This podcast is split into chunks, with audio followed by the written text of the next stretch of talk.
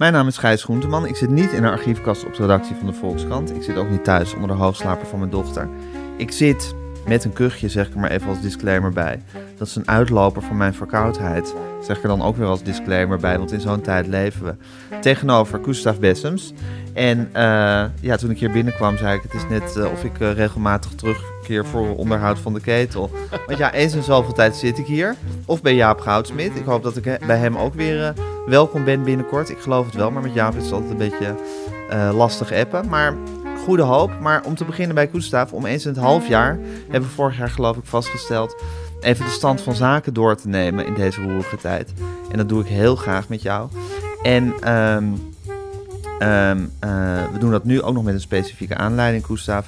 Omdat je een podcast eh, gaat beginnen bij de Volkskrant Ja, ook al. over, eh, over het bestuur van het land. Daar gaan, we het over, daar gaan we het over hebben. En over de stand van zaken, zoals Gustav die ziet. En alles wat er verder ter, ter tafel komt. Ja, het is een beetje een atypische inleiding. Maar ik eindig gewoon typisch. Luister naar dit interview met Gustav Bessems.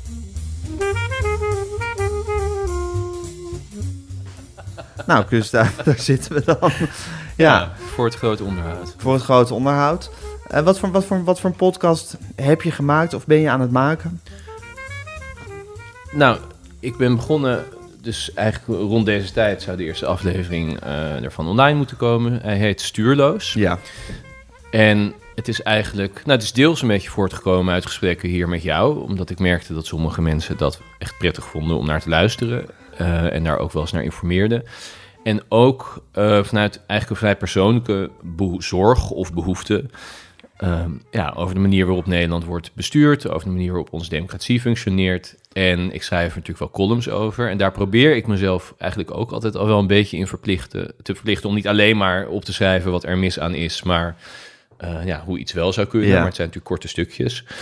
Ehm, en, en door die columns ben ik eigenlijk met allerlei mensen in aanraking gekomen. En soms heeft zo iemand, vind ik, gewoon een goed idee of een goede kijk op hoe het wel moet vooral. Dus dat moet ook de focus worden. En mailen zij jou dan? Of leg jij je oor te luisteren bij allerlei mensen? Eh, ja, gebeurt allebei. Dus soms kom ik iemand tegen of soms benaderen ze me mij. Dus ik bedoel, in de eerste aflevering zit iemand die is gewoon al heel bekend op dit dossier. Wim Voermans, hoogleraar staats- en bestuursrecht. Eh, maar goed, ik vind wel dat hij een heel heldere kijk heeft op hoe die democratie beter kan. Maar bijvoorbeeld eh, in de tweede aflevering zit Marielieke Engbersen... en nou weet ik niet eens meer wie van ons het contact destijds het eerst had gelegd. Die heeft een totaal ander veld eigenlijk. Die heeft heel veel eh, tijd doorgebracht in de boardrooms van Nederland... bij allerlei toezichtsorganen. Heeft daar een soort unieke toegang toe gehad...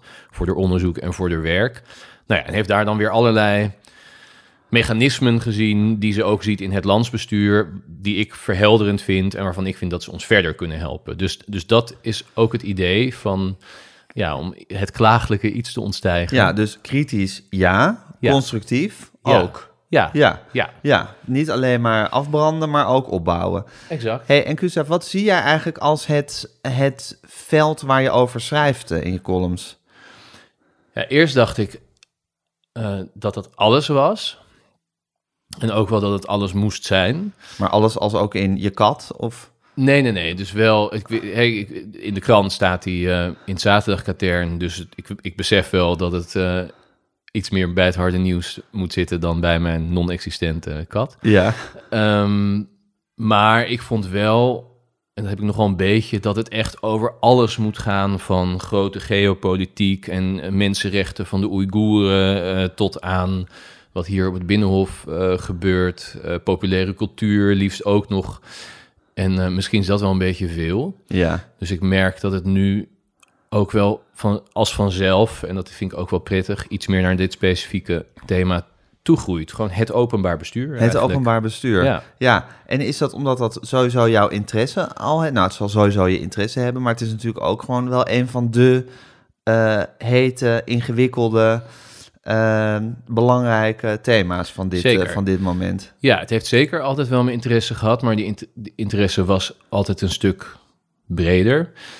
Ehm, ik ben ook een tijdje, dat is inmiddels alweer lang geleden, dat was toen voor het gratis dagblad De Pers, heb ik vier jaar in Den Haag gewerkt. op het Gratis, maar niet goedkoop. Zeker. Ja. Ehm, dus dus die interesse was er wel. En ja, nu door de coronacrisis is het allemaal zo op scherp komen te staan. Eigenlijk al het dysfunctioneren Mhm. erin. En daar begrijp ik nog niet alles aan. Eh, en ben ik ook wel bezorgd over. Dus zo is dat denk ik gegroeid. Is het denk je eigenlijk een eh, bestuurscrisis waar we in zitten of een democratische crisis? Ja, allebei.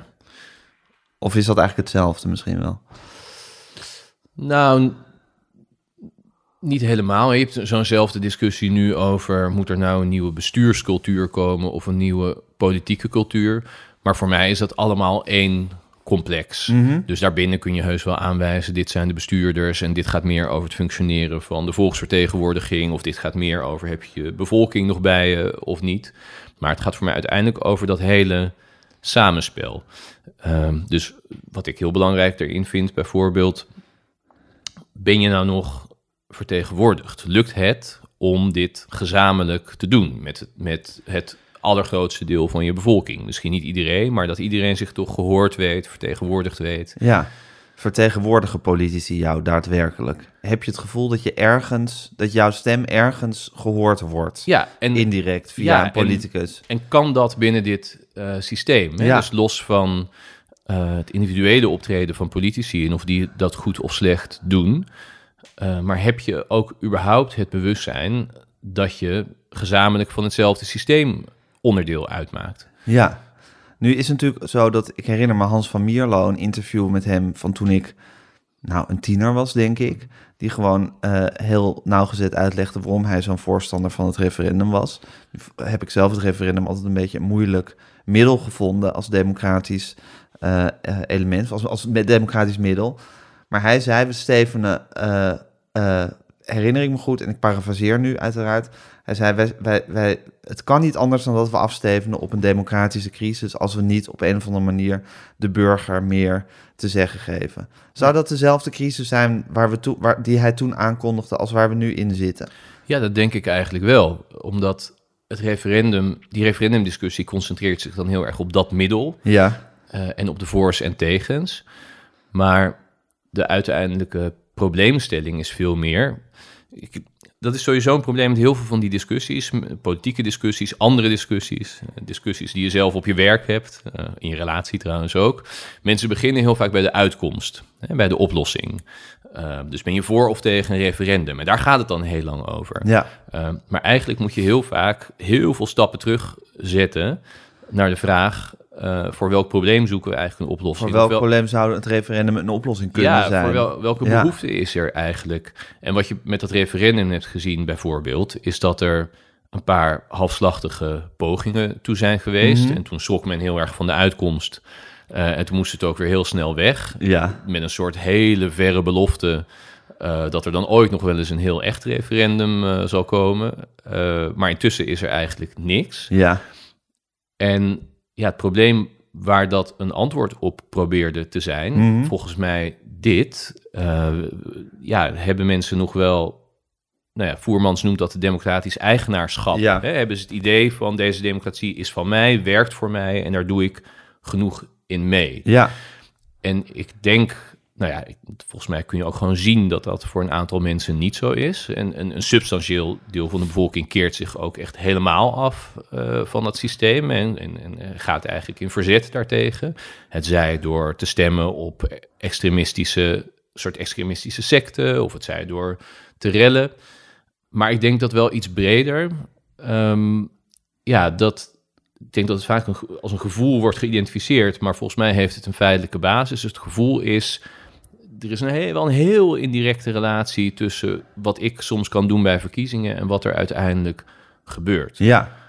En dan hebben we dus inderdaad ook nog te maken met, daar is de toeslagenaffaire natuurlijk een uitmuntend voorbeeld van, met een overheid die zich eigenlijk gewoon sluit voor zijn burgers. Ja. Die gewoon zijn eigen gang gaat en niet bereikbaar meer is. Klopt. Eigenlijk zie je dat, de, dat dat juist steeds meer tegenover elkaar eh, komt te Ja. staan. En eigenlijk zie je op dit moment in die coronacrisis zie je dat ook gebeuren. Hè? Dus het, het afgeven op die burgers die zich maar niet aan regels eh, willen houden en die maar niet snappen eh, hoe goed die bestuurders eigenlijk bezig zijn. Dus je krijgt een steeds sterker onbegrip over en weer. En een overheid die eigenlijk meer van zich af gaat bijten eh, dan insluit. Ja, die tijd in een soort verdedigings, eh, verdedigingsmodus Ja, eh, en, daar, staat. en daar gaan wij weer allemaal nog harder van op diezelfde overheid en die bestuurders voeteren. Ja, Het wordt ook steeds onaantrekkelijker om daar een positie als Kamerlid of zo, of als minister te gaan innemen. Dus ja, zo zijn we elkaar eigenlijk een beetje gek aan het maken. ja. En zou dit niet een soort, soort, soort eh, onafwendbare beweging zijn eigenlijk? In die zin dat als je macht hebt, dat je die altijd wil houden en die uit wil breiden. En eh, dat je dus eigenlijk sowieso in zo'n soort situatie als deze, totdat, je- totdat dat uitmondt in een gigantische crisis. Ja, ja, ik zal niet de hele tijd aan hem refereren, maar ik zit nu natuurlijk heel erg met dat gesprek met Voermans in mijn hoofd. Maar die zegt dit wel heel goed, dat dat dus een evenwichtskwestie is. Ja. Dat is nou, hè, dus eh, heel veel begrippen komen de laatste tijd veel langs, zonder dat, denk ik, nou heel goed wordt uitgesproken Ja. eh, wat ermee wordt bedoeld. Maar het is natuurlijk, eh, volgens mij heeft Omtzigt dat vooral erg onder de aandacht gebracht, hè, macht en tegenmacht. Dus in ons democratisch systeem is het heel belangrijk dat dingen, dat verschillende machten even sterk zijn. Dus niet dat de een boven de ander gaat, maar dat ze elkaar in een evenwicht houden. En eh, ja, dat is precies vanwege eigenlijk wat jij beschrijft. Op het moment dat iemand macht heeft, ontstaat er onmiddellijk blikvernauwing. Ja. eh, het wegfilteren van informatie die niet past. Eh, ze snappen het niet. Laten wij dit nou maar regelen. Wij zitten hier toch aan de knoppen. En dat is die mensen voor een deel aan te rekenen. Maar voor een deel is dat eigenlijk gewoon wat er met iedereen zou gebeuren. Het is een menselijke eigenschap. Ja, Om je positie te willen behouden en niet de vernedering te, willen, te moeten doorstaan van hem opgeven. Of ja het, erkennen dat je het fout hebt gedaan. en het is heel moeilijk om voorbij je eigen blik eh, te kijken. Dus als jij bijvoorbeeld een minister bent, een minister met een hele drukke baan, een hele zware grote dossiers, Ja. en die zijn allemaal ontzettend belangrijk, en je werkt je helemaal de tyfus dag in dag uit om dat tot een goed eind te brengen, en je bent eigenlijk, zit je er qua details veel beter in dan een heleboel van jouw critici Ja. ook nog. Ja, dan, dan, dan vergt het veel van je karakter eh, om te zeggen, nou, maar misschien ziet die wel iets beter de grote lijn dan ik, of misschien moet Ja. ik daar toch eens naar luisteren. Dus daarom, eh, ja, is er ook niet Ja, het gekke is dat je inderdaad, als je, dat je waarschijnlijk wel heel goed, eh, dat het heel goed mogelijk is dat iemand heel goed en analytisch naar een kwestie zou kunnen kijken waar die geen eigen belang in heeft. En zodra die er wel een eigen belang in heeft, eh, verduistert dat eigenlijk zijn hele kijk eh, op die kwestie. Ja, en dat Ja. belang heb je eigenlijk zodra je ergens een poosje mee bezig bent al. Ja. Dus dat hoeft niet eens, dat komt er ook nog bij. Ik kan er ook nog wel even over hebben. In de praktijk zijn natuurlijk ook nog mensen met politieke belangen en partijbelangen en ego-belangen. Maar eigenlijk denk ik dat iedereen bijvoorbeeld uit werksituaties wel herkent dat als je eenmaal eh, een pad hebt gekozen en je hebt daarin geïnvesteerd, tijd, moeite en ego Ja. heb je daarin geïnvesteerd, dan is de weg terug gewoon vanzelf al ingewikkelder. Maar daarom heb je ook niet een democratisch stelsel eh, wat gebaseerd is op karakter. Hè, er is niet gezegd van nou jongens, zo gaan we het ongeveer doen. En we vertrouwen op jullie goede karakters om het goed te laten komen. Daarom heb je allerlei checks en balances en eh, is er een heel stelsel ingericht Ja. om dat in evenwicht te houden. En dat stelsel moet dus heel goed blijven werken, Ja, want anders precies. dan slaat het En het ingewikkelde is natuurlijk dat het stelsel toch onder verantwoordelijkheid valt van de politici. En dat dat natuurlijk toch hun belang is om langzaam maar zeker dat stelsel eigenlijk zo te masseren eh, dat het alsmaar meer in hun, in hun belang Ja. gaat werken. Ja. Dat ze steeds veiliger zijn. Ja, dus er werken eh, allerlei krachten werken dit nu in de hand. Ja, Dus het is een hele eh, ingewikkelde wereld waarin je als land maar eh, moeilijk overeind blijft. Wij hebben in Nederland ook nog een hele politieke, ingewikkelde politieke constellatie waarin het moeilijk is om meerderheden voor dingen te krijgen. Ehm, nou, hè, massamedia hebben de afgelopen decennia hun intrede gedaan, die ook nog bevorderen dat je een soort bestuurders. Ik denk wel eens van de eigenschappen die je nu nodig hebt om bestuurder te worden. Dat zijn eigenlijk precies de eigenschappen die je beter niet zou kunnen hebben als je het eenmaal bent. Dus als je, als je nu wil overleven politiek en er doorheen wil rammen, ja, dan moet je eigenlijk eh, monomaan zijn en, en, en behoorlijk narcistisch en eh, niet vatbaar voor eh, kritiek van buiten. Ehm, eh, je van eigenlijk heel veel dingen heel weinig aantrekken. Niet al te veel empathie, liefst ook. Nou, dan zit je eenmaal op die plek en dan zitten wij er naar te kijken. En dan denk je toch, ja, daar hadden we, het kwam wel, deze kwam wel soepeltjes over Ja. in de campagne. Maar we Ja. hadden toch eigenlijk wel precies een heel ander iemand. Een saai, een beetje een saaie, ja, toegewijde kracht willen hebben. Ja, ja. maar probeer maar eens als saaie toegewijde kracht Door- aan deze ja. eh, eh, wedstrijd te beginnen. Ja, dat is heel erg lastig. Maar eigenlijk zijn het dus, eh, is het democratisch bestel onderhevig aan diep menselijke eigenschappen.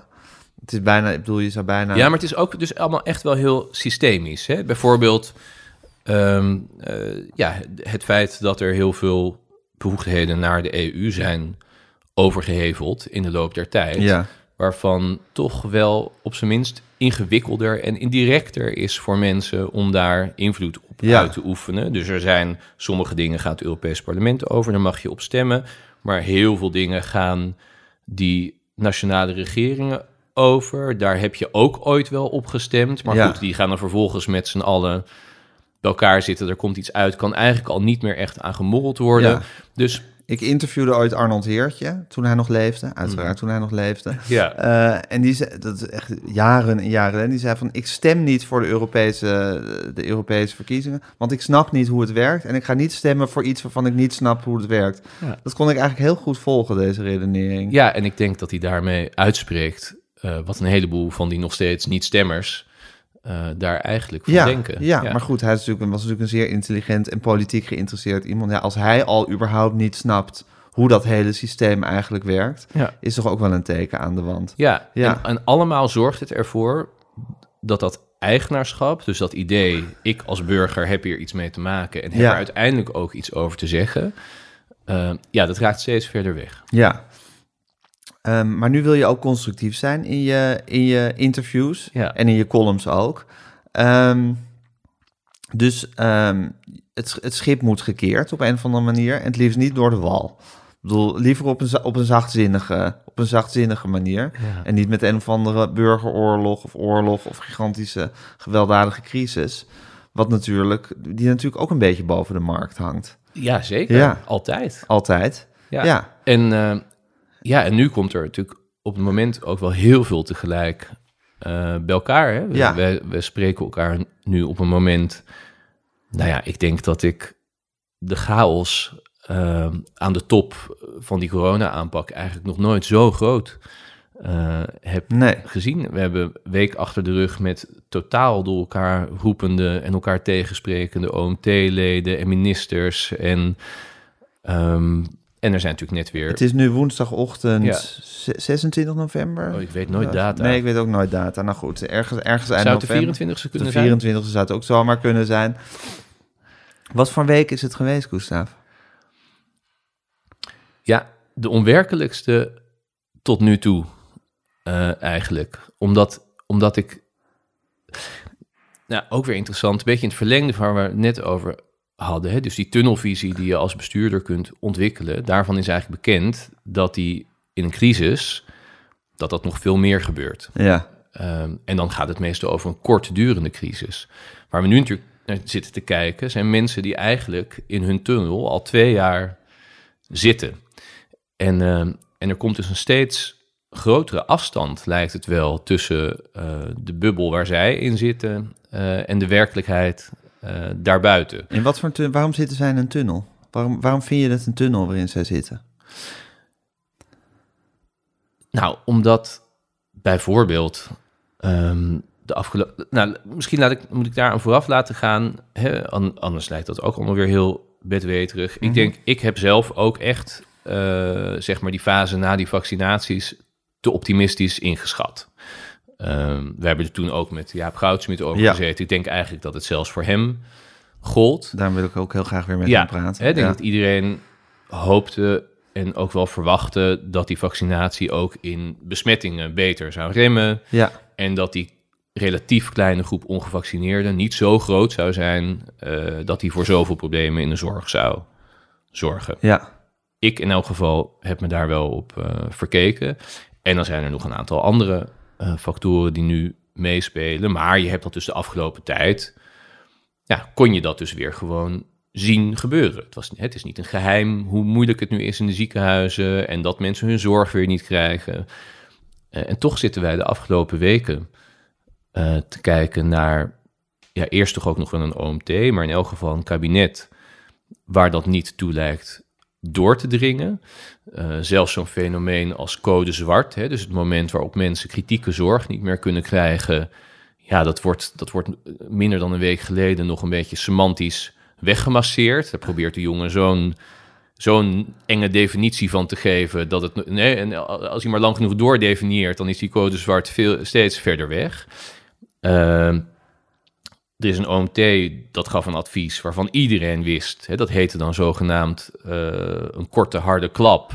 Nou, het interessante van die coronacrisis is echt dat iedereen op elke straathoek kan inmiddels ongeveer inschatten wat een harde klap is en wat niet. En waar de besmettingen van gaan dalen en waar niet van. Ik denk dat niemand dacht uh, dat het zou kunnen gebeuren. Nee, nou, dat je met een soort, soort vage halve maatregeltjes daadwerkelijk die cijfers naar beneden zou krijgen. Nee, en dat is nu ook niet zo. Nee. En dan tussendoor heeft het OMT nog een keer gezegd... Uh, ja, die, die, beginnen ook een caps lock te typen. Hè. Dat vind ik echt toch ook ontzettend raar. Daar werd een beetje lacherig over gedaan, maar ik vind het zorgelijk. Ja, waarom vind je het zorgelijk als het OMT een caps lock... Wat hadden ze precies een caps lock getypt? Even voor de mensen die het niet... Ja, of ik nu de exacte woorden heb uit advies, maar in ieder geval was de boodschap... Gedrags, gedrags, ja, gedragsmaatregelen, ja. Hè, dus de basismaatregelen... die kunnen echt het allermeeste verschil maken... en, en voorkomen dat we in lockdown gaan. De enige manier of zo. Volgens mij ja. waren dat de woorden die ze, waar ze ineens in hoofdletters... Uh, ja, je kan zeggen dat is een klein onbenullig iets, maar ik vind de combinatie van al deze dingen, dus, dus ja, ministers die, die in een totaal onwerkelijke eigen uh, uh, bubbel lijkt te leven, uh, de belangrijkste adviesorgaan dat op deze manier het kabinet begint aan te spreken en de laatste dagen allerlei adviseurs die juist in paniek dwars door elkaar totaal verschillende dingen. Hè? Dus bij de een is het al bijna code zwart en bij de ander uh, uh, valt het ontzettend mee. En er is iemand die zegt, nou, we moeten een evenwicht zoals in Groot-Brittannië gaan vinden, maar dan maar met, met wat meer dooien. En de volgende zegt, nee, nu dit is toch echt wel het moment voor vaccinatieplicht. Dit zijn de belangrijkste adviseurs. Ja. Dit zijn die, echt de mensen die de knopen moeten doorhakken. Ja, die rustig bij elkaar zouden moeten zitten en zouden moeten zeggen wat nu. En het kabinet zou daar beslissingen op moeten nemen.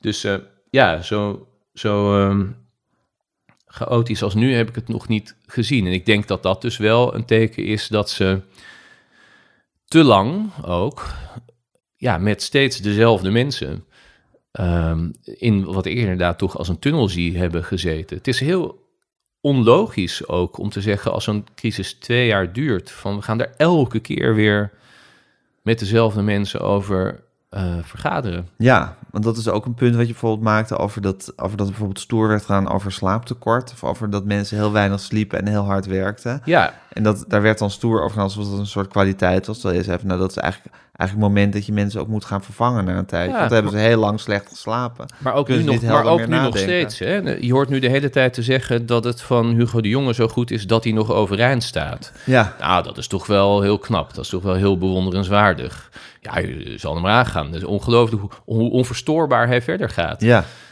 Maar onverstoorbaar verder gaan is helemaal geen goede eigenschap nee. Uh, onder deze omstandigheden.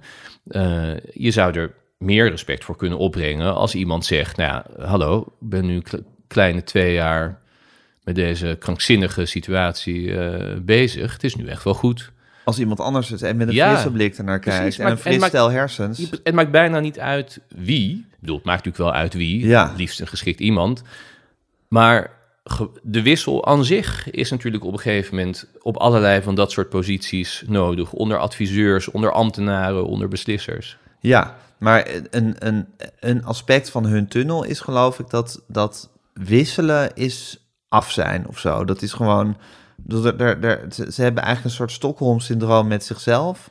Dat ze, niet, dat ze niet hun eigen positie los kunnen. Of niet zich voor kunnen stellen dat iemand anders dat ook zou kunnen doen, geloof ik. Dat is natuurlijk iets wat heel diep in Rutte zit. Ja. En waar Hugo de Jong misschien ook wel een beetje last van heeft. Ja, en, en, en um, je gaat ook geloven in je eigen heroïek Ja. en bijzonderheid. Ja. En wat je ook merkt is dat ze steeds meer zinnen zeggen waarmee ze proberen ook die buitenwereld eigenlijk ehm, ja, te neutraliseren. Hè? Dus Rutte zei van de week, wij gaan niet dingen doen omdat mensen wat zeggen in talkshows.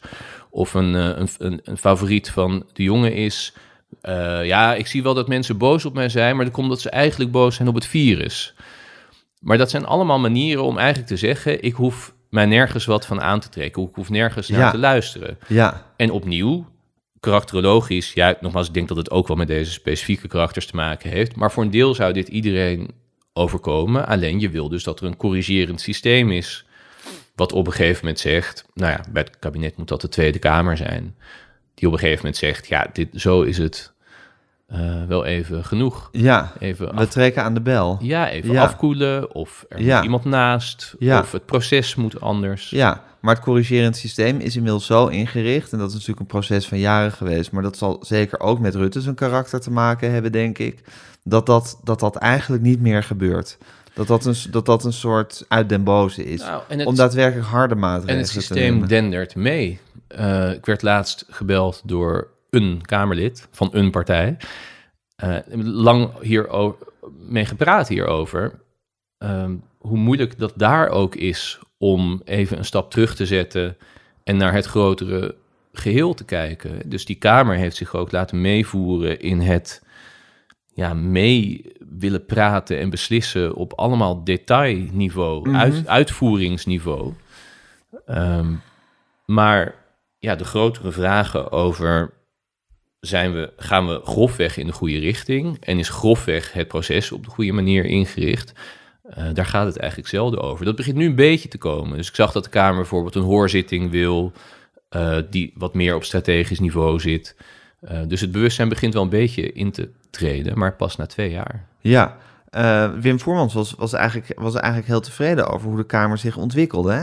in dat interview met jou. Die, die vond dat de Kamer eindelijk tekenen van, eh, hoe zullen we het zeggen, kritisch vermogen begon, begon te tonen en een soort, soort eigen wil. Nou, dat, dat de Kamer assertiever aan het Assertiever, worden is. ja. Maar dat ben ik eigenlijk wel met hem eens. Ja. En dat zijn vaak de dingen die juist ehm, ja, een beetje belachelijk worden gemaakt of worden weggezet. Ik zag bijvoorbeeld gisteren ook weer een itempje in eh, Nieuwsuur. En daar ging het over een procedurevergadering. En die procedurevergadering werd besloten, of wel of niet, de komende week wordt, wordt eh, beslist over wetten als over coronatoegangspassen, 2G, dat soort dingen, wel of niet op de werkplek. Ehm, Hele fundamentele keuzes. heel fundamenteel. En dat wordt dan eh, in dit geval door Arjen Noorlander gebracht als... Nee, was niet, eh, was een commentaarstem. Dus ik, ik zal hem niet eh, onterecht Het had. Arjen Noorlander kunnen zijn. Zeker, maar Ja. het was, een, het was een, een commentaarstem van wie ik de naam niet ken. Maar er werd gezegd van... Ja, zelfs een procedurevergadering wordt gedoe.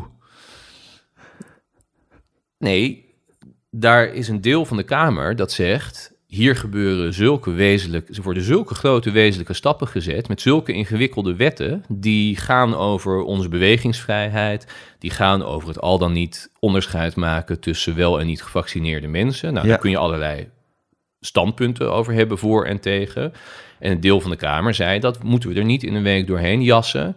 Ehm, er is ook nog een heel kritisch advies van de Raad van State over die wet. Die zegt dat het allemaal niet goed is uitgewerkt, onduidelijk. Nou, volgens mij is dit nou typisch het soort wetten waarvan je niet wil dat ze onduidelijk Mhm. zijn. Dus dat ging eigenlijk wel ergens over. En dat wordt dan eigenlijk, wordt die Kamer, en dat is natuurlijk optisch is het zo. Optisch denk je, jeetje, al die door elkaar eh kakende Kakelende, mensen ja. en zoveel partijen. En, maar daar zit wel degelijk, eh, ja, zit daar lijn in en ook een belangrijke lijn. En sowieso, ja, maar dit is echt een heel oud punt van mij, maar het woord gedoe, dus het woord gedoe in duiding van de politiek, ja, dat vind ik echt een journalistiek failliet. Dus dat is als je nou. Omdat je- dat zo'n waardeoordeel is eigenlijk. Nee, omdat je, omdat je gewoon geen zin had om uit te zoeken wat er aan de hand was. Dat is eigenlijk ah, wat oké. je zegt. Het verhult eigenlijk luiheid, gedoe. Het woord Ja. gedoe, ja. Eh, eh, en en het, de, het, het is een beetje, ik vind het, nou, je zou het zelfs antidemocratisch kunnen noemen. Want Ja. wat, waar we hier te maken hebben, dat zijn onze volksvertegenwoordigers met verschillen van mening. dat doen ze vast heel vaak op een manier die ook niet fraai is. Hè, met opportunisme en politiek belang, weet ik veel. Maar ook heel vaak zijn er gewoon echte verschillen van mening waar het over gaat. En dan is het denk ik onze taak als media om aan het volk dat daar wordt vertegenwoordigd uit te leggen waar die verschillen van mening over gaan en waar Ja. dat hem in zit. En dat wordt dan heel makkelijk eh, als gedoe Ja, eigenlijk weggezet. Eh, waardoor je ten eerste zegt, ehm, het is onbelangrijk eh, en, en, en, en ook het interesseert ons niet zo goed, niet zo erg waar het over gaat. ja, Ehm, maar ook de hele tijd eigenlijk het parlement ondermijnt. ja. En wat dat betreft is die toeslagenaffaire natuurlijk op vele manieren wel heel eh, essentieel geweest. En eh, eh, ook wel een soort keerpunt misschien. Omdat de Kamer daar natuurlijk ook een heel belangrijke rol in heeft gespeeld. En daar misschien ook wel een soort zelfbewustzijn en richting uithaalt nu. Van het heeft wel degelijk zin als we af en toe doorbijten. Of als we af en toe op een dossier waarvan iedereen iets heeft van gedoe. Zeker. gewoon het heel serieus nemen en door blijven vragen. En Ja, eh, kijk, en, en als je dat doet, dat is in de Tweede Kamer zo, maar ik denk dat we het als journalisten ook kennen, en iedereen misschien wel in het gewone leven. Je bent nooit de gezelligste eh, of populairste als je zegt, hey, klopt dit eigenlijk wel? Ja. Is hier eigenlijk niet meer aan de hand? nee. Zelf weet je het misschien eigenlijk ook nog niet zeker. Je zou er ook wel eens naast kunnen zitten. Ehm, dus ik denk inderdaad dat die toeslagen, dat toeslagenschandaal is, heeft, en dat heeft ook lang geduurd, hè? want ook daar zijn zowel de Kamerleden als de journalisten die hiermee bezig eh, waren, een beetje als querulanten weggezet. Zeker. Nou, precies. Je bent nooit de gezelligste. Ja. Nee, Ja. en, en je krijgt ook vaak, bij media onderling krijg je ook nog vaak het fenomeen, eh, ook weer diep menselijk waarschijnlijk, dat als medium X ergens heel hard achteraan zit, dan denkt medium Y toch, nou ik hoop een beetje dat het niks is eigenlijk. Hè? Dus, dus eh, op redactievergaderingen kan je dan wel eens de neiging hebben om dat Ja. eh, wat te gaan onderschatten. ja, Is overigens, dat is ook, ook weer je eigen belang namelijk. Ja. Want dan heb je zelf iets niet gezien. is overigens ook in ontwikkeling. Dat gaat volgens mij nu ook veel beter. Je ziet veel vaker dat Dat de Volkskrant gewoon eh, ruimhartig een primeur van de NRC Ja, sowieso is er veel meer, veel meer samenwerking tussen onderzoeksjournalisten Mhm. van allerlei verschillende media. En eh, volgens mij is er veel meer bewustzijn van deze reflex. En gewoon het idee, ja jongens, we zitten hier niet Ja. voor het eigen Of scoren. follow the money of de Volkskrant het nou heeft, de Nee, primeur. we het is belangrijk dat het gebracht voor ons publiek, Ja. die, dat goed geïnformeerd moet worden. Ja. Ehm, dus, ehm, maar die Kamer heeft dus ook misschien wel een soort nieuw zelfbewustzijn daaruit gehaald. Of, of, of het besef van ook eh, met, met eh, vasthoudend zijn en dingen alsmaar bevragen, ook al wordt dat niet per se gewaardeerd, kan je op de lange termijn iets goeds bereiken en ook wel degelijk waardering krijgen. Ja, en eh, denk ook over de eigen rol. Hè? Dus ehm, wat natuurlijk de grootste gebeurtenis was in die formatie in april, Ja. toen Rutte probeerde Pieter Omtzigt een andere functie te bezorgen. Ja. Volgens Rutte zelf een hele prachtige functie. Volgens de rest van de wereld toch om hem kal te stellen. Ja, sowieso ongepast. Ja. Ja, is, de, is dat, dat ging echt ook over de Kamer zelf. Ja. En ook iets waar de Kamer aan gewend is geraakt, eigenlijk in de loop der tijd, dat vragen niet worden beantwoord, dat er omheen wordt gepraat. Ehm, ja, daar zijn Ja, ook allemaal. Dat informatie niet wordt gegeven. ja, of Vroeger een doodzonde, tegenwoordig iets waar, waar je sorry voor zegt als het uitkomt. ja, En weer over tot ik de orde van de dag. Ik, alho- alhoewel ik niet zeker weet of het eigenlijk ooit een doodzonde is geweest. Eh, maar in elk geval werd het voorheen altijd nog wel zo gezegd. Ja, Dus het zou best eens kunnen dat er nu überhaupt meer assertiviteit dan ooit is eh, op dat vlak. Er is- het is misschien iets waarvan altijd wordt gezegd dat het vroeger een doodzonde was. Dat is een Ja. beetje mijn eh, indruk. Ja, want omdat je, niet, omdat je niet per se affaires je voor de geest kan halen uit, weet ik veel, wat 1986, Nou, ik waarin, het, van, waarin het wel een ik doodzonde heb wel was. van- jawel, maar ik heb wel eens van die overzichten eh, gezien. En dan zie je eigenlijk dat of iets een politieke doodzonde is, wel of niet, hangt veel meer van de toevallige omstandigheden van dat moment af. Ja. Hoe zijn op dat moment de verhoudingen tussen coalitiepartijen bijvoorbeeld? Is er een coalitiepartij bereid om ergens een punt van te maken of niet? Ja, Was een bewindspersoon toch al afgebladderd eh, en gaf dit het laatste zetje of niet? ja, precies. Dus het is nooit een absolute wet geweest. Bovendien eh, denk ik dat we ook wel eens... Ja, je kunt soms makkelijk vergeten dat je vroeger natuurlijk gewoon een, nog een soort... Ja, met restanten van de verzuiling in grote blokken ingedeeld parlement had, je had gewoon, je had gewoon het CDA. Ja. En het CDA ging wel eens over links en het CDA ging wel eens over rechts. En er zaten een stuk of 40, 50 Kamerleden in zo'n fractie... die daar toch volgens mij redelijk gezeggelijk Ja, pijprokend. die achteraan eh hobbelden. Dus, dus eh, volgens mij moeten we ook niet denken... dat er vroeger 150 terriers eh, de hele tijd politieke doodzonde eh, zaten Nee. te controleren. Het is nu misschien Er wel... zaten gewoon 50 mensen die alles van de kerk goed praten. Ja, ja. maar wat er denk ik wel was, ehm, is dat dat misschien ook wat minder nodig was, omdat het systeem minder onder druk zat en omdat, omdat er denk ik wel wat meer bestuurders zaten die zich iets meer bewust waren van hun eigen rol en positie daarin. En verantwoordelijkheid Ja. ook. Ja. Ehm, maar nu zitten we dus met... eh, je, je vindt dit eigenlijk po- politiek of bestuur- bestuurlijk gezien... de meest chaotische week die jij in je journalistieke leven hebt nou, wat dat corona betreft, ja. Wat het, ja. Maar misschien dan sowieso wel eigenlijk. Nou goed, Ja. met de LPF was het ook heel, heel rommelig. Ja, maar dat is, Maar het was weer is anders. toch van een andere andere orde. orde. Nou, er staat nu natuurlijk zo veel meer op het spel. Ja. Eh, dus toen stond er ook wel wat op het spel. Alleen, ja, ik vind het nu bijna onwerkelijk. Hè? Dus, dus eh, die, hele discussie over dat code zwart, dat is Ja. natuurlijk iets waarvan wij nog helemaal niet lang geleden ons niet hadden kunnen voorstellen dat het een onderwerp zou zijn. Dus Nee. dat er in Nederland debat zou zijn over, wordt het nou straks nodig? Want dit gaat dus niet meer over regulier en planbaar, wat ook allemaal al verschrikkelijk is. Ja. Hè? Maar dit gaat echt over eh, het moment dat je moet gaan zeggen, nou, deze heeft een iets hogere, het is allebei nu nodig, Ja, en deze ze heeft een wat hoog- hogere overlevingskans. Of zelfs dat je zegt, nou, de overlevingskans is ongeveer gelijk, maar deze is wat jonger. Of zelfs, ja, deze was net een minuut eerder binnen. Ja. Of laten we er maar om... Dus, nou ja, dat hadden we ons niet... En die protocollen wordt nu in geoefend. Daar wordt nu in Ja. geoefend.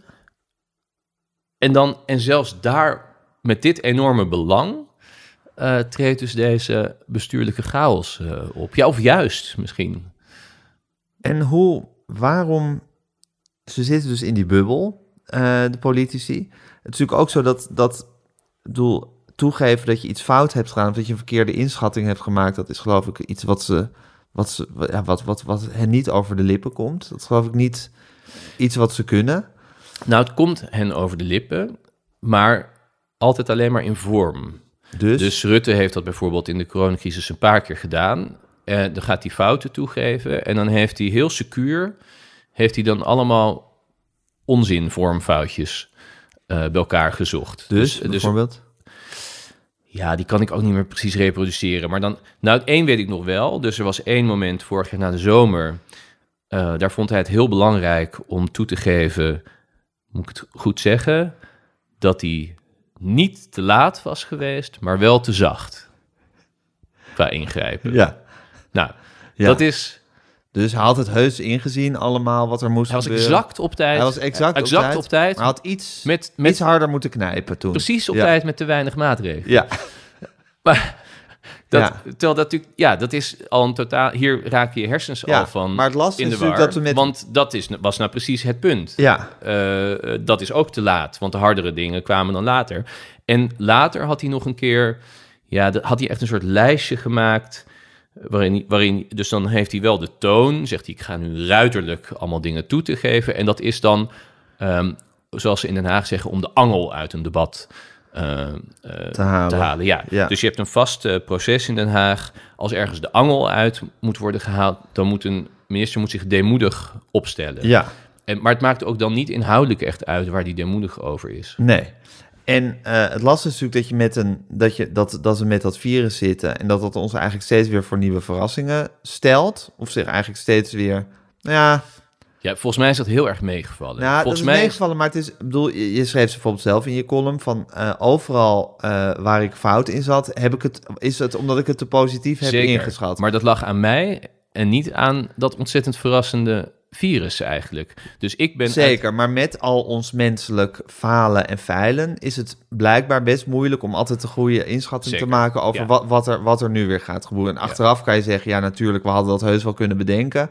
Maar dat is toch, het is toch lastig, blijkbaar met, met hoe onze menselijke geest werkt. Misschien dat we altijd van de, van de positieve uit willen gaan of altijd de zonnige kant willen zien. Nou, niet ik veel. iedereen. Je hebt een heel eh, segment critici van het beleid dat wel degelijk heeft gezegd... eh, ja, hoop niet te veel van die vaccins en blijf aan de conservatieve kant zitten. Dus sommige mensen eh, ligt dat meer. Ja, ja, maar goed. Sorry. Is, dat, nee, Je dat- was op weg naar iets. Nee, ik was helemaal niet op weg. Tenminste, ja, het gaat om de reis, hè, Gustav.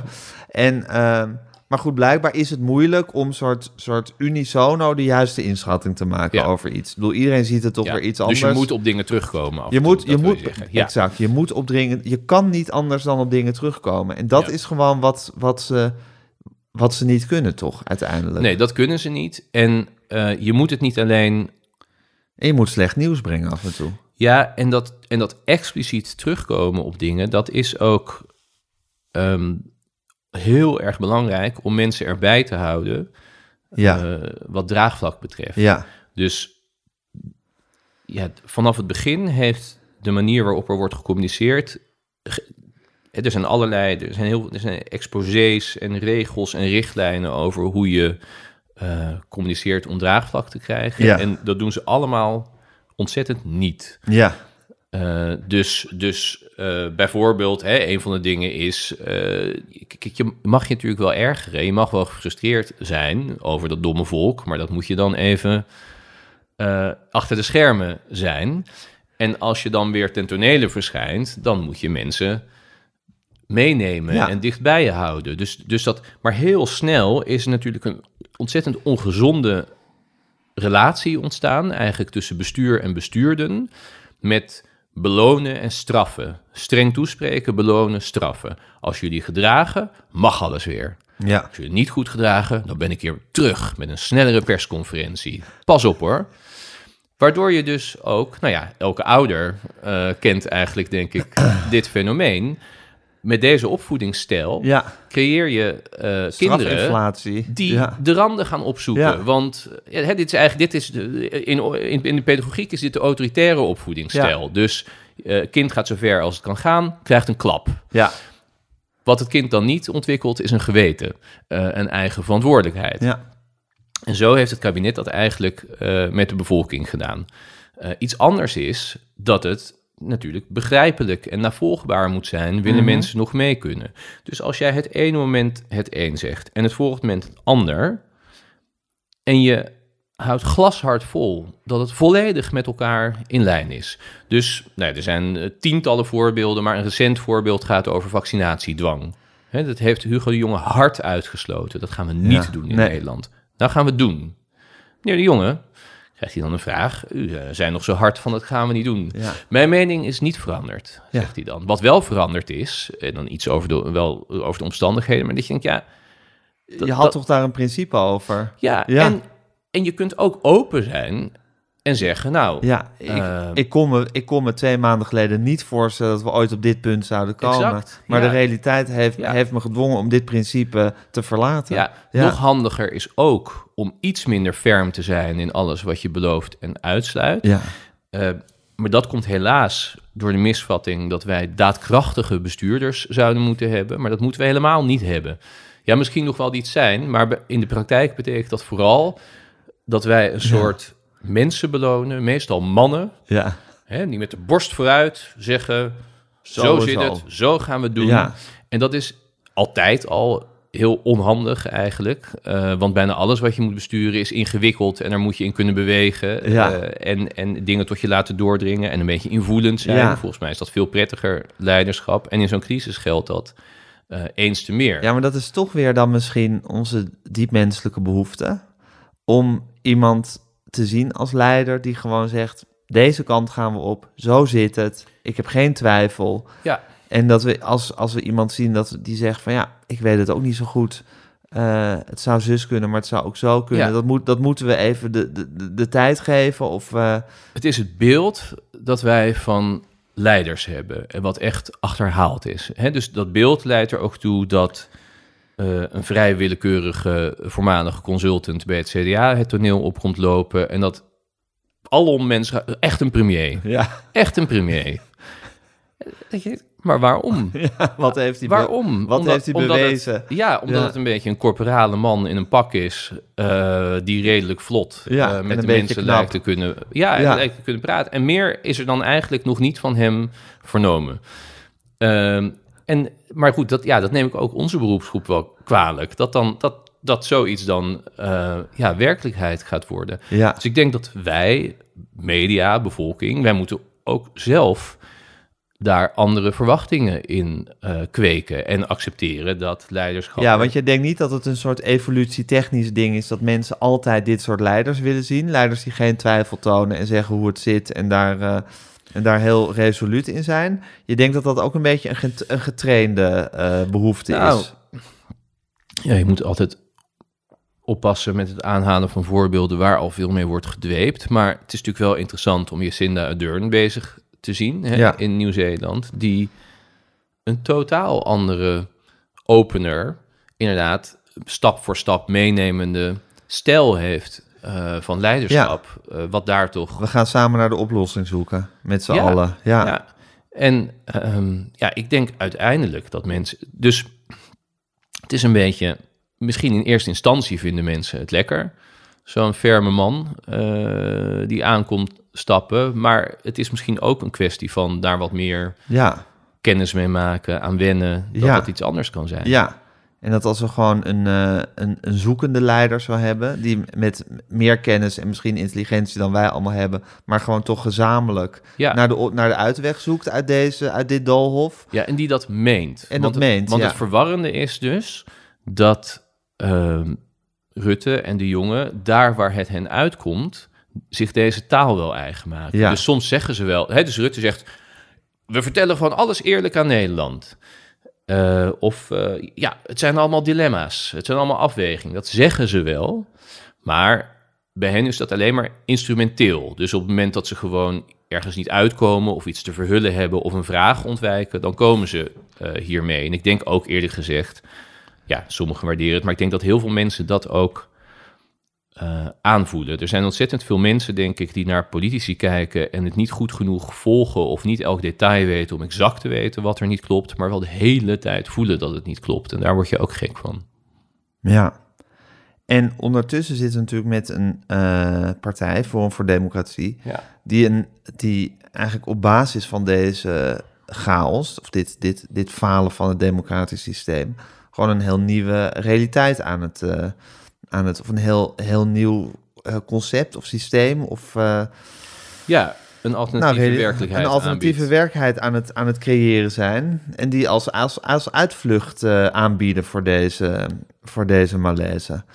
Ehm, en dat, eh, ja, ik vind dat het heel, ik vind het eh, zelf persoonlijk, daar denk ik veel over, of daar denk ik veel over na, maar daar heb ik het af en toe over van, ja, hoe, wanneer moet je eh lacherig zijn en wanneer moet je totaal gealarmeerd En zijn? je moet helemaal niet lacherig zijn goed. en al... ja, sorry. Nee, en al heel lang niet. Kijk, ten eerste... ehm, dus extremisten eh, komen heel vaak in een belachelijke vorm. Als je zelf ook niet zo'n extremist bent... dan oogt het ook al heel snel bizar en vreemd en belachelijk. Sowieso de standpunten. Maar bovendien moet je er niet naïef in zijn dat het een instrument is dat ze gebruiken. En daarvan denk ik ook, dat zou je dan toch inmiddels bijvoorbeeld van Trump moeten hebben geleerd. Hè? Daar ging dat proces meteen zo, oh, hij is oranje en hij is Ja. dom en hij zegt van die malle dingen en wat heeft die gek nou weer gedaan? En uiteindelijk eh, werd hij geïnaugureerd. Ja, Eh, eh, zo eindigde dat. Dus dat geldt voor Forum ook. En sowieso, ja, bagatelliseert een groot deel van Nederland, vind ik echt al twintig jaar, dat er dat een vijfde van de bevolking aan het radicaliseren is. ja, Eh, want dat is zo. Dus ehm, eh, ja, je merkte, ik toen ook zo'n stuk geschreven vlak na de verkiezingen. Toen, ja, de, de verslaggeving ging dan over de, over de winst van D66 of eh, dat Rutte geprolongeerd kon. Maar het allerbelangrijkste, ook weer van de laatste Kamerverkiezingen, was dat ongeveer een vijfde van Nederland op zeer extreme eh, stromingen stemt. Dus Forum met al zijn eh, spin-offs, eh, of het nou jaar 21 is of Van Haga. Het idee is dan van zodra je je afgesplitst hebt, dan, dan deed je het eigenlijk al die tijd al keurig. Mhm. Maar Forum is al sinds begin 2017 gaat het daar al over de Nederlandse samenleving als een levend organisme waar vreemde elementen, vijanden van binnen de boel ziek en kapot maken. Ja. Die moet worden gestopt. Ja. Dat, is, dat is al vier jaar eigenlijk hun Taal. taal en Ja. hun concept. Ja. Ehm, dus ook al die afsplitsingen, die zijn daar al die jaren gewoon bij geweest, hebben daar gewoon aan meegedaan. Nu, om allerlei opportunistische redenen eh, niet meer. Heel vaak wordt gezegd, het is geruststellend dat het al heel lang een even grote groep is. Maar als een even grote groep steeds het goed vindt, in elk geval hè, niet erg vindt om te stemmen op steeds extremere groepen, is er ook iets aan de hand. Bovendien hebben ze het hele politieke spectrum hun kant opgesleurd eh in die jaren. En ik zie eigenlijk helemaal geen. Dat is ook wel een onderwerp wat ik ergens nog wil behandelen. Ehm, ik zie erg, eigenlijk nergens serieuze pogingen om dat deel van de bevolking beter eh, te bereiken. Dus die lijken wel afgeschreven. Ja. Zo van, nou, die doen niet mee. Die zijn gek. Ja, Of die zo, zijn gek. ja. En dat is vooral een praktisch probleem, eh, bijvoorbeeld bij het vormen van meerderheidscoalities of Ja. dat soort dingen. Ehm, ik denk, nou ja, ik denk dat nu wel iets meer duidelijk wordt, eh, nu inderdaad zoveel mensen ziet die echt in een andere werkelijkheid leven. Het begint ook door vriendengroepen te lopen, door families heen te, eh, te lopen. Je ziet steeds meer dat het ook echt tot geweld eh, op straat leidt, tot, tot bedreigingen. Eh, dat er wordt gewaarschuwd. En dat is ook heel logisch voor eh, ja, radicaliserende eenlingen uit die hoek. Hè, iets waar tot voor kort vooral uit jihadistische hoek rekening mee werd Ja. gehouden. ja. In de Tweede Kamer wordt hun nieuwe realiteit nu ook gewoon als, als serieuze optie voor de toekomst voorgespiegeld. Door hen zelf weliswaar, maar goed, daar moet je dan ook weer je Ja. toe verhouden. Ja, De tribunalen. Ja, nou, en ook als je het nou hebt over dat kwetsbare stelsel hè, van evenwichten waar we het over hadden. Dus onze democratie, die, ehm, die, hoe die wel of niet blijft functioneren. Dat, die is voor dit soort krachten per definitie heel erg kwetsbaar. Als je maar besluit binnen een democratie dat je geen scrupules hebt Ehm, en dat je, dat je bereid bent zo ver te gaan als Forum nu gaat en de boel stuk wil, dan kan je in principe een heel eind komen. Want Ja. het hele stelsel is erop gebouwd om iedereen, Op die afspraak. ja, op iedereen gehoord te laten worden. Om Ja. te zorgen dat stemmen gelden. Dat, Ja. hè, dus, En de afspraak dat je het systeem serieus neemt. ja, Ja. En wat heel zorgelijk is, is dat dan de reactie op die uitdaging, dat daar zelfs eigenlijk de zeer beperkte middelen die je hebt, eh, niet in worden aangewend. Zelfs, zelfs het tegenspreken gebeurde door Vera Bergkamp niet, hè, de, de voorzitter van de Tweede Kamer.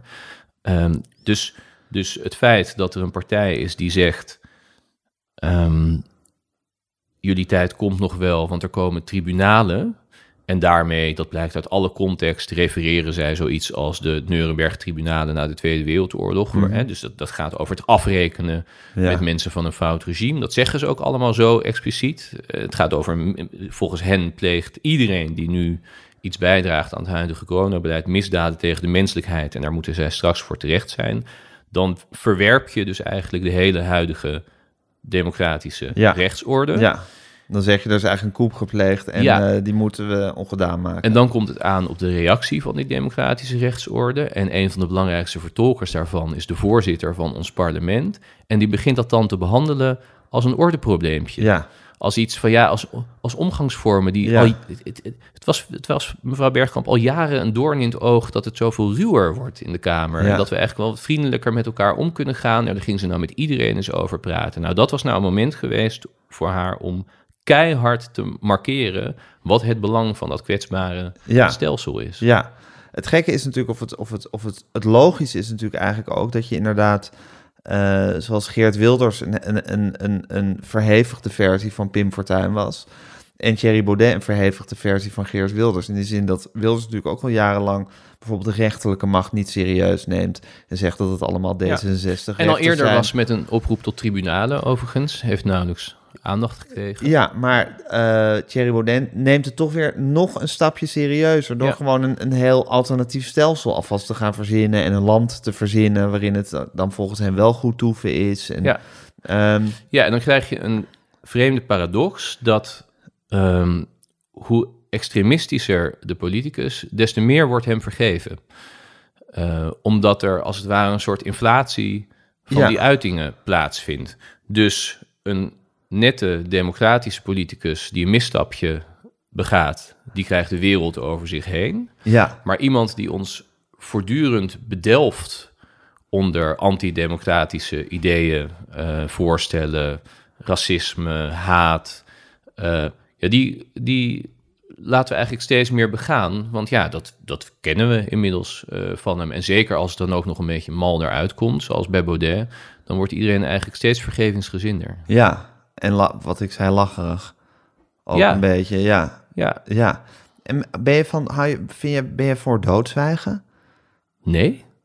Nee, sowieso vind, is dat wel een heel theoretische optie. Ik zou het ingewikkeld vinden hoe we dat zouden moeten organiseren eh, met iedereen. Eh, nee, maar Nou eigenlijk... Ja, het is natuurlijk wel een kwestie bij de krant bijvoorbeeld. Wel, welke, welke zoveelste kwestie van Thierry Baudet geef je nog aandacht? En wanneer eh, denk je gewoon van, nou, hij heeft weer staan, staan schreeuwen en staan gillen. Ja, maar ik begrijp eigenlijk niet zo goed waarom dat... Volgens mij is dat minder een kwestie wanneer je ook als media je meer bewust bent van je rol in die democratische rechtsorde. wanneer je het vandaar... Nou, omdat als, je, als dat je perspectief is, dan kun je zien wanneer iets onzin is en wanneer iets een significante volgende stap is in het verwerpen van die rechtsorde. Ehm, en eigenlijk is er, wat me bijvoorbeeld opvalt, zo een beetje ook weer aan het veranderen is, maar er is, er is vrij veel aandacht voor wat Forum in Den Haag doet. Maar ze hebben bijvoorbeeld, eh, wat zij dan die vrijheidskaravaan noemen door het hele land. En daar, ze plaatsen dat zelf ook allemaal online, dus je kunt het allemaal eigenlijk heel goed zien. Ja. Eh, ja, en daar zie je eh, de route richting fascisme, zie je zich daar, die- zijn ze daar gewoon helemaal ja. aan het aflopen. Ja, Daar gaat het eigenlijk helemaal niet zo heel veel over. Ehm, en dat, ja, ik vind dat eh, gek. Dus en volgens mij komt dat door dit soort discussies die niet gaan over waar ze moeten gaan. Is het te veel aandacht? Is het te weinig aandacht? Ja, dat is eigenlijk helemaal niet de kwestie. Ja, Als je het eigenlijk vrij letterlijk bekijkt, van wordt er een nieuwe stap gezet of niet? En je eikpunt is daarbij het functioneren van de democratische rechtsorde. aha. Volgens mij ben je daarmee niet te subjectief, hè? want dat is ook, eh, dat kan ook wel eens het misverstand zijn van, oh, maar eh, dan, dan uh, notabene iemand van wie ik, wie ik normaal helemaal geen fan ben, maar Herman Tjenk Willink zei dit allemaal uitstekend. Dan kies je dus niet partij tegen een partij. Je gaat gewoon uit van ons hele stelsel. Ja. Ja, nou dat is niet, daarmee beken je niet te veel kleur. Als Nee. je dan goed aanwijst, hier is een partij en die stapt daar eh, uit, of keert zich daartegen, of probeert dat kapot te maken. Ja, dat, dat mag je wel als objectieve waarneming doen, denk ik. Ja, en daar mag je je te- tegen in het geweer stellen. Ja, Ja, en, en de- uiteindelijk ehm, ja, is het hele publiek daarvoor ook weer van ons afhankelijk. Via ons krijgen zij dat voornamelijk mee. Of ja, via directe kanalen van politici. Maar dat is toch wat minder. Benadert denk ik toch nog altijd de werkelijkheid wat minder dan wat wij er eh, Ja. van maken. ja. Ja, maar dan moet je dus niet te terughoudend zijn in al- als er inderdaad een nieuwe stap wordt gezet, die constateren, die beschrijven eh, en daar eh, het gewicht van proberen te duiden. Nee, ik vind een, een, een actieve partij in Nederland met een significante aanhang, die ook een significante stap zet weg van de democratie, dat is gewoon groot nieuws. Dat is voorpagina nieuws eigenlijk. Ja, ja. Eh, wat een tijd, hè, Gustav, waar we in leven. Eh, hoe, hoe, hoe lukt het jou, denk je, om constructief te zijn? Nou, daar heb ik mezelf nu met een podcastserie Ja, gedwongen. je hebt jezelf die opdracht gesteld. Ja, maar dat helpt wel, want het geeft dus een soort structuur. Dus dan ga ik elke vier weken ga ik met een slim iemand met een goed idee praten. Ja, Eh, en dat, dat voedt mij eh, ook wel weer. En ja, en ik probeer het inderdaad ja, ik probeer het mezelf gewoon eh, op te leggen eigenlijk. Zoals je jezelf wel meer dingen oplegt. En ehm, is de journalistiek de goede plek om constructief te zijn? Ja, lijkt me wel. Ik mag een vraag stellen. Jazeker, maar...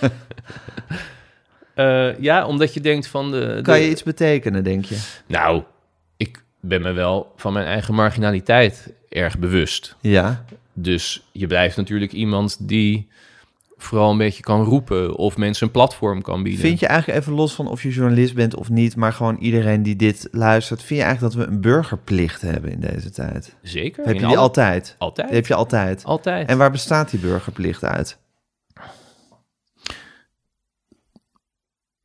Nou, uit veel dingen uiteraard. Hè. Ik bedoel, eh, je moet ook gewoon eh, iemand uit het water trekken als die verzuipt. Maar Ja. in de context van dit gesprek denk ik dat je een minimaal besef hoort te hebben van dit hele tere stelsel waarin je opereert. Ja, en waar je afhankelijk van bent. Ja, dat je dat ook hoort door te geven. Eh, er zijn bijvoorbeeld onderzoeken waaruit blijkt dat Nederlandse scholieren... die weten echt minder dan in andere Europese landen van staatsinrichting... van hun democratische traditie, van hoe dit eigenlijk zo gegroeid is. Mhm. Ehm, dus dat is op zijn minst, hè, dus weten hoe dit zit eh, en, het, en het leren aan je kinderen, dat is, dat is het kleinste steentje wat je Bij kan kan bijdragen. dragen. Ik, iets anders is dat je je hoort te informeren. Ehm, dus je hebt mensen die heel nuffig nieuwsmijner worden, hè, want ja, ik word er gek van, ik kan het allemaal niet aan, al die Ja. ellende. Nou, eh, Nee. wees maar even flink dan, Je moet deze zeggen. haplevertraan nemen elke dag. Ja, Ja. kijk, dat je, dat je, dat je ook de, besef ook wel dat je de persoonlijke plicht hebt om goed voor jezelf en je eigen welzijn te zorgen. Dus doe er vooral niets ontspannends na. Ja, maar je afkeren van de wereld qua informatie is niet, is niet Nee, per se de oplossing. Zeker, het zijn ook vaak hoogopgeleide mensen die dat Mhm. eh, zeggen. Hè, van, eh, eh, sowieso, de, de- ik vind het ook altijd heel grappig aan heel veel zelfhulpboeken en zo die het heel goed doen. Die boeken hebben eigenlijk allemaal dezelfde boodschap. Die, zijn, die zeggen allemaal dat je meer aan jezelf toe moet Ja. komen. Dus ze zeggen allemaal hoe je fuck you moet zeggen en hoe je... eh, hè, de, de- de- het is ook logisch dat dat verkoopt, want dat bevredigt een Mhm. enorme behoefte. Ehm, maar nee, je burgerplicht is om geïnvesteerd te zijn eh, in de wereld om je heen en te weten wat daar gebeurt en daar met anderen het gesprek over te kunnen voeren. Ja, en eh, dan maar hopen dat je op het moment dat het ertoe doet, het goede doet. Ja, ik zit- denk. Ja, ik vind dat best wel Nou, ik lastig. zit nog heel eventjes. Ik zou ook, kijk, bij mijn werk mag het niet, maar ik vind ook eigenlijk dat iedereen lid moet worden van een politieke partij. Ehm, als, je, als je het geld kan missen, de meeste lidmaatschappen zijn niet zo duur. Dan, dan vind ik dat in deze periode zeker eigenlijk wel je dure plicht. Het is een heel groot probleem.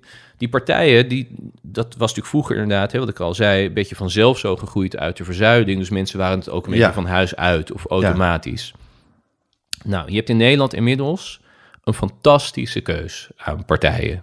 Eh, geen één partij is 100% wat jij vindt. Nee, maar, in ieder geval Met veel. wat we in Nederland hebben, benadert het zo ongeveer eh, je individuele behoeften. Bovendien, als je wilt dat het een andere kant op gaat, is lid ervan worden ook je enige manier om dat te doen.